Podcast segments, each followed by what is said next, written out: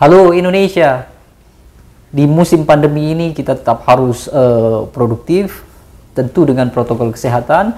Jangan lupa menggunakan uh, masker dan juga berjarak begitu.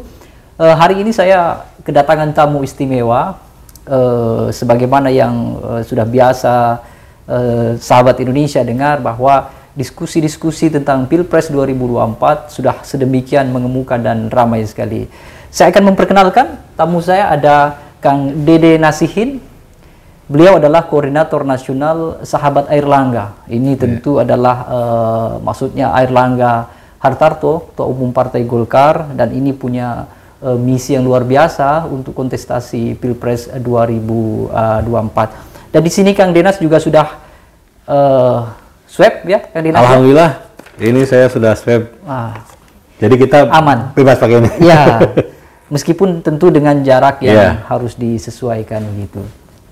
Hari ini begini Kang Dinas, saya mau membahas uh, satu isu uh, apa namanya yang menarik untuk yeah. Pilpres 2024 yang sekarang sedang ramai tentunya yaitu berkaitan dengan siapa sebetulnya tokoh yang potensial untuk terusung dan potensial ya paling tidak untuk menang begitu ya. Yeah. Karena kan diskusinya kan orang boleh saja populer, elektabilitas tinggi tapi jadi persoalan apakah kemudian punya tingkat keterusungan dari partai politik begitu yeah. karena tidak semua tokoh-tokoh yang populer ini punya basis uh, dukungan yeah. yang yang kuat yeah. tapi sebelum itu mungkin Kang Denas bisa ceritakan sedikit sebetulnya arahnya ke mana ini sahabat Air Langga dan apa itu ah iya terima kasih Pak Dokter Dedi ini sahabat saya dari sejak dulu ya Alhamdulillah pada siang ini saya bisa diundang di acara yang sangat terhormat ini uh, saya melihat seperti ini bahwa Pak Erlangga Hartarto itu kami dari sahabat Erlangga melihat beliau itu kerja tanpa pamrih. Hmm. Beliau bekerja dan eh, apa namanya berbuat untuk masyarakat Indonesia. Akan tetapi tentunya Pak Erlangga tidak sedikit pun memperlihatkan bahwa dia punya ambisi untuk nyapres seperti itu. Betul. Nah kami dari pecinta Pak Erlangga berinisiatif untuk membuat sebuah komunitas organisasi eh, agar bagaimana eh, Pak Erlangga ini disosialisasikan ke masyarakat melalui sahabat Erlangga itu. Oh itulah kemudian sahabat Erlangga ini ya, dibentuk. muncul. Ya. Kalau misalnya kita lihat beberapa waktu yang lalu, ya. tentu Kang Denas juga pasti sudah memperhatikan. Ya. Erlangga ini kan tokoh yang secara basis kekuasaannya cukup kuat ya. Hmm. Beliau adalah um, menteri koordinator, termasuk juga ketua umum Partai Golkar. Tapi popularitasnya kecil. Ini tidak bisa dinafikan. Artinya kalah jauh dengan Ganjar Pranowo, yeah. Ridwan Kamil, Anies uh, Baswedan begitu. Bagaimana kita bisa melihat uh, peluang Pak Erlangga di 2024? Apakah Partai Golkar sudah sedemikian solid begitu? Artinya yeah. ya sudah tidak ada pilihan lain kecuali memang ini harus diajukan. Uh, ini sebenarnya kan masyarakat uh, silahkan bebas untuk memilih kan, Betul. karena ini satu pun belum uh, apa namanya ada sesuatu yang sudah konkret belum seluruh tokoh nasional baik itu kepala daerah, Betul. dia menteri ataupun tokoh-tokoh parpol, tentunya mereka punya fans masing-masing, punya basis dukungan masing-masing. Namun demikian kita jangan melupakan bahwa kalau kita pengen ke Jakarta, misalkan dari Bandung nih, Betul. harus pakai bis, gitu kan? Betul. Nah, untuk menuju ke pilpres tentunya sudah perahu yang jelas. Oke, oke, nah, oke. Pak Erlangga Hartarto menurut saya, kami dari sahabat Erlangga melihat yang paling berpeluang untuk menuju ke Pilpres 2024. Kenapa? Karena beliau memiliki Partai Golkar. Karena beliau ketua umum Partai Golkar. Golkar sebagai bahteranya ini Sebagai ya? bahteranya gitu.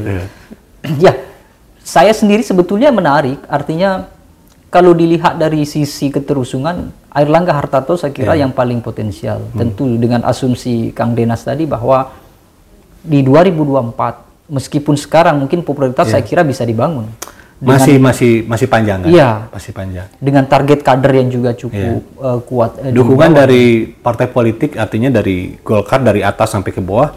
Kami lihat kan kita lihat di beberapa media Betul. sudah mendukung ke Pak Erlangga bahkan sudah ke personal untuk wapres ya. Hmm.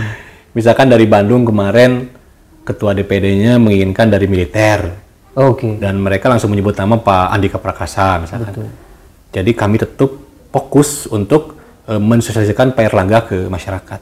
Kalau misalkan tempo lalu Pak Erlangga belum populer, belum populer, itu artinya bukan Pak Erlangga tidak populer karena beliau yang tidak mau populer gitu. Oke oke. Gitu, seperti itu. Itu art, itu maksudnya mungkin Kang Des mau mengatakan bahwa Pak Erlangga Hartarto termasuk Hmm. salah satu eh, tokoh eh, potensial yang yang senyap begitu ya. Beliau itu Tapi- he's doing the best lah. Banyak Oke. bekerja. Tapi saya kira itu juga menjadi eh, persoalan, Kang. Iya. Artinya begini kan, mau tidak mau dalam konsep eh, demokrasi elektoral Iya. yang mengandalkan keterpilihan seseorang itu dipilih secara terbuka Iya. oleh masyarakat begitu. Kan popularitas itu menjadi sesuatu yang tidak bisa di, dinafikan. Iya.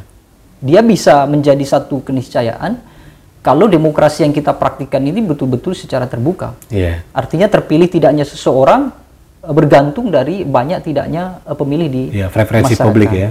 Nah sekarang kan menurut saya disayangkan Iya. Pak Erlangga sudah bekerja bagus misalnya Iya.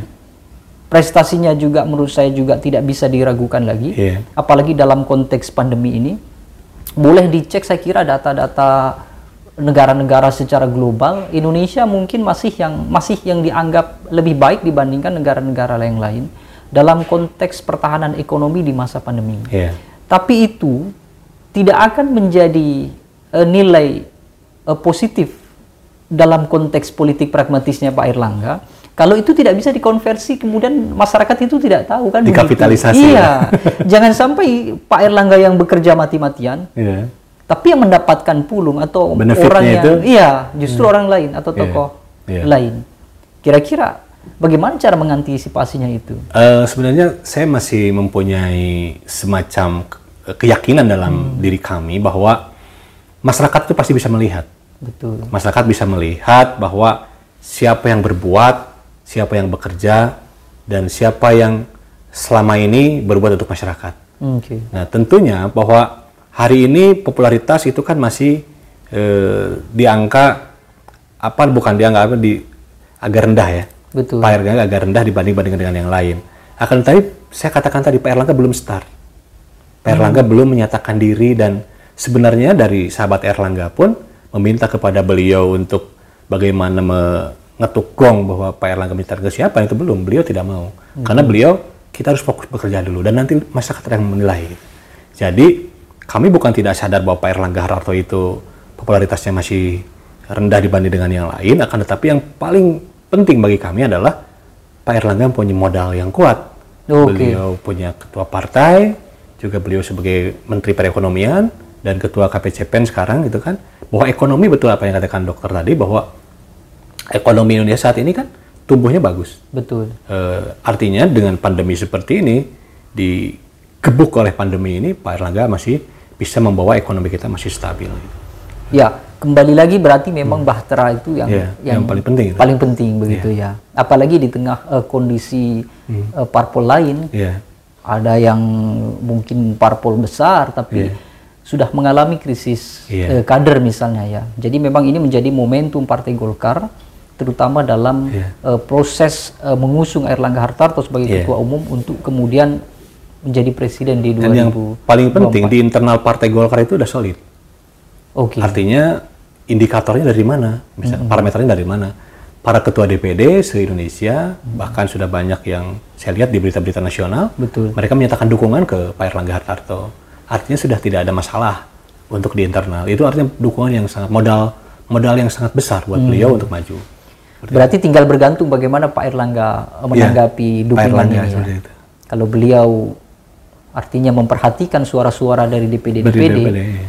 terlebih itu DPD kota kabupaten ya, artinya kan ini yang mengerti betul bagaimana nuansa pemilih di tingkat Iya. bawah begitu ya Kang ya. Dan masyarakat sekarang sudah jenuh sebenarnya dengan pencitraan-pencitraan. Oke oke. Ah, Ini, ini ini menurut saya menarik ini. Tapi orang juga memperhatikan pencitraan itu Kang. Iya, memang, memang betul. Tapi banyak sekali masyarakat yang sudah sadar politik saat ini bahwa mana yang memainkan citra dirinya Betul. untuk kemudian menjadi benefit dia, tujuan dia. Tetapi ada juga yang sadar bahwa ini pencitraan gitu. Nah, Pak Erlangga ke kami meminta, udah nggak usah dulu nggak usah capres lah. Kita Oke. bekerja dulu buat masyarakat dan nanti masyarakat akan menilai gitu. Bahkan satu momentum Pak Erlangga Hartarto di di Solo kalau tidak salah ya, begitu ditanya beberapa jurnalis Pak bagaimana ini pencapresan beliau menjawab dengan tegas gitu ya. Sudahlah jangan tanya-tanya capres itu. Yang penting sekarang kita kerja dulu begitu. Iya. Ini saya jadi ingat Pak Presiden Joko Widodo dulu juga begitu. Iya. Artinya ah coba capres saya tidak mikirin. Tapi Iya. faktanya begitu eh, momentumnya dapat dan Iya. waktu pencapresannya memang Rakyat yang meminta kan. Iya, iya. Gelombang dukungan dari masyarakat datang seperti itu. Gitu. Jadi betul-betul Kang Dinas ini percaya diri luar biasa ya. Dan Indonesia sekarang itu menurut saya itu butuh kepada sosok seorang figur kebapaan Hmm, Eh, yang melindungi, yang mengayomi, betul. tidak banyak tingkah gitu kan. Betul.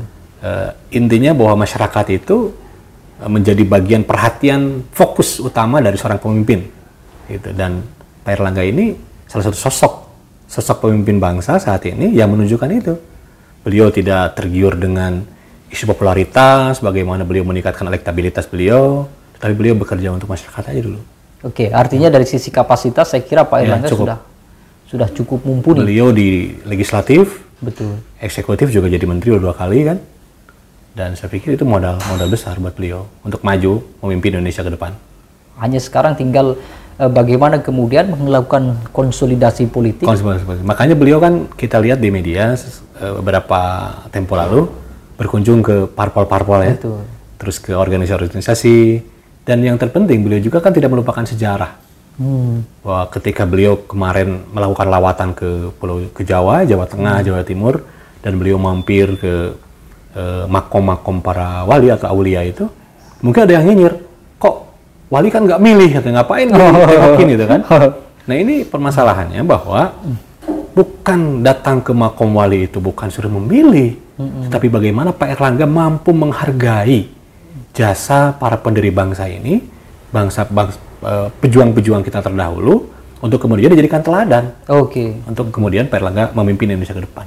Itu pesannya Pak Pak Erlangga Hartarto sel- selain menjadi eh, tokoh ekonomi nasional, termasuk yang sudah berhasil membangun ekonomi kita, tapi tidak melupakan akar tradisi sebagai Iya. masyarakat Indonesia yang yang punya, ya artinya menjaga betul eh, kearifan lokal, bahkan silaturahimnya juga sangat eh, kuat sekali begitu ya. Sekali lagi saya tidak bisa menyimpulkan karena eh, diskusi ini tentu akan berkembang dan juga mengikuti dinamika dari masing-masing kita. Saya Deddy Kurniasyah, sampai jumpa.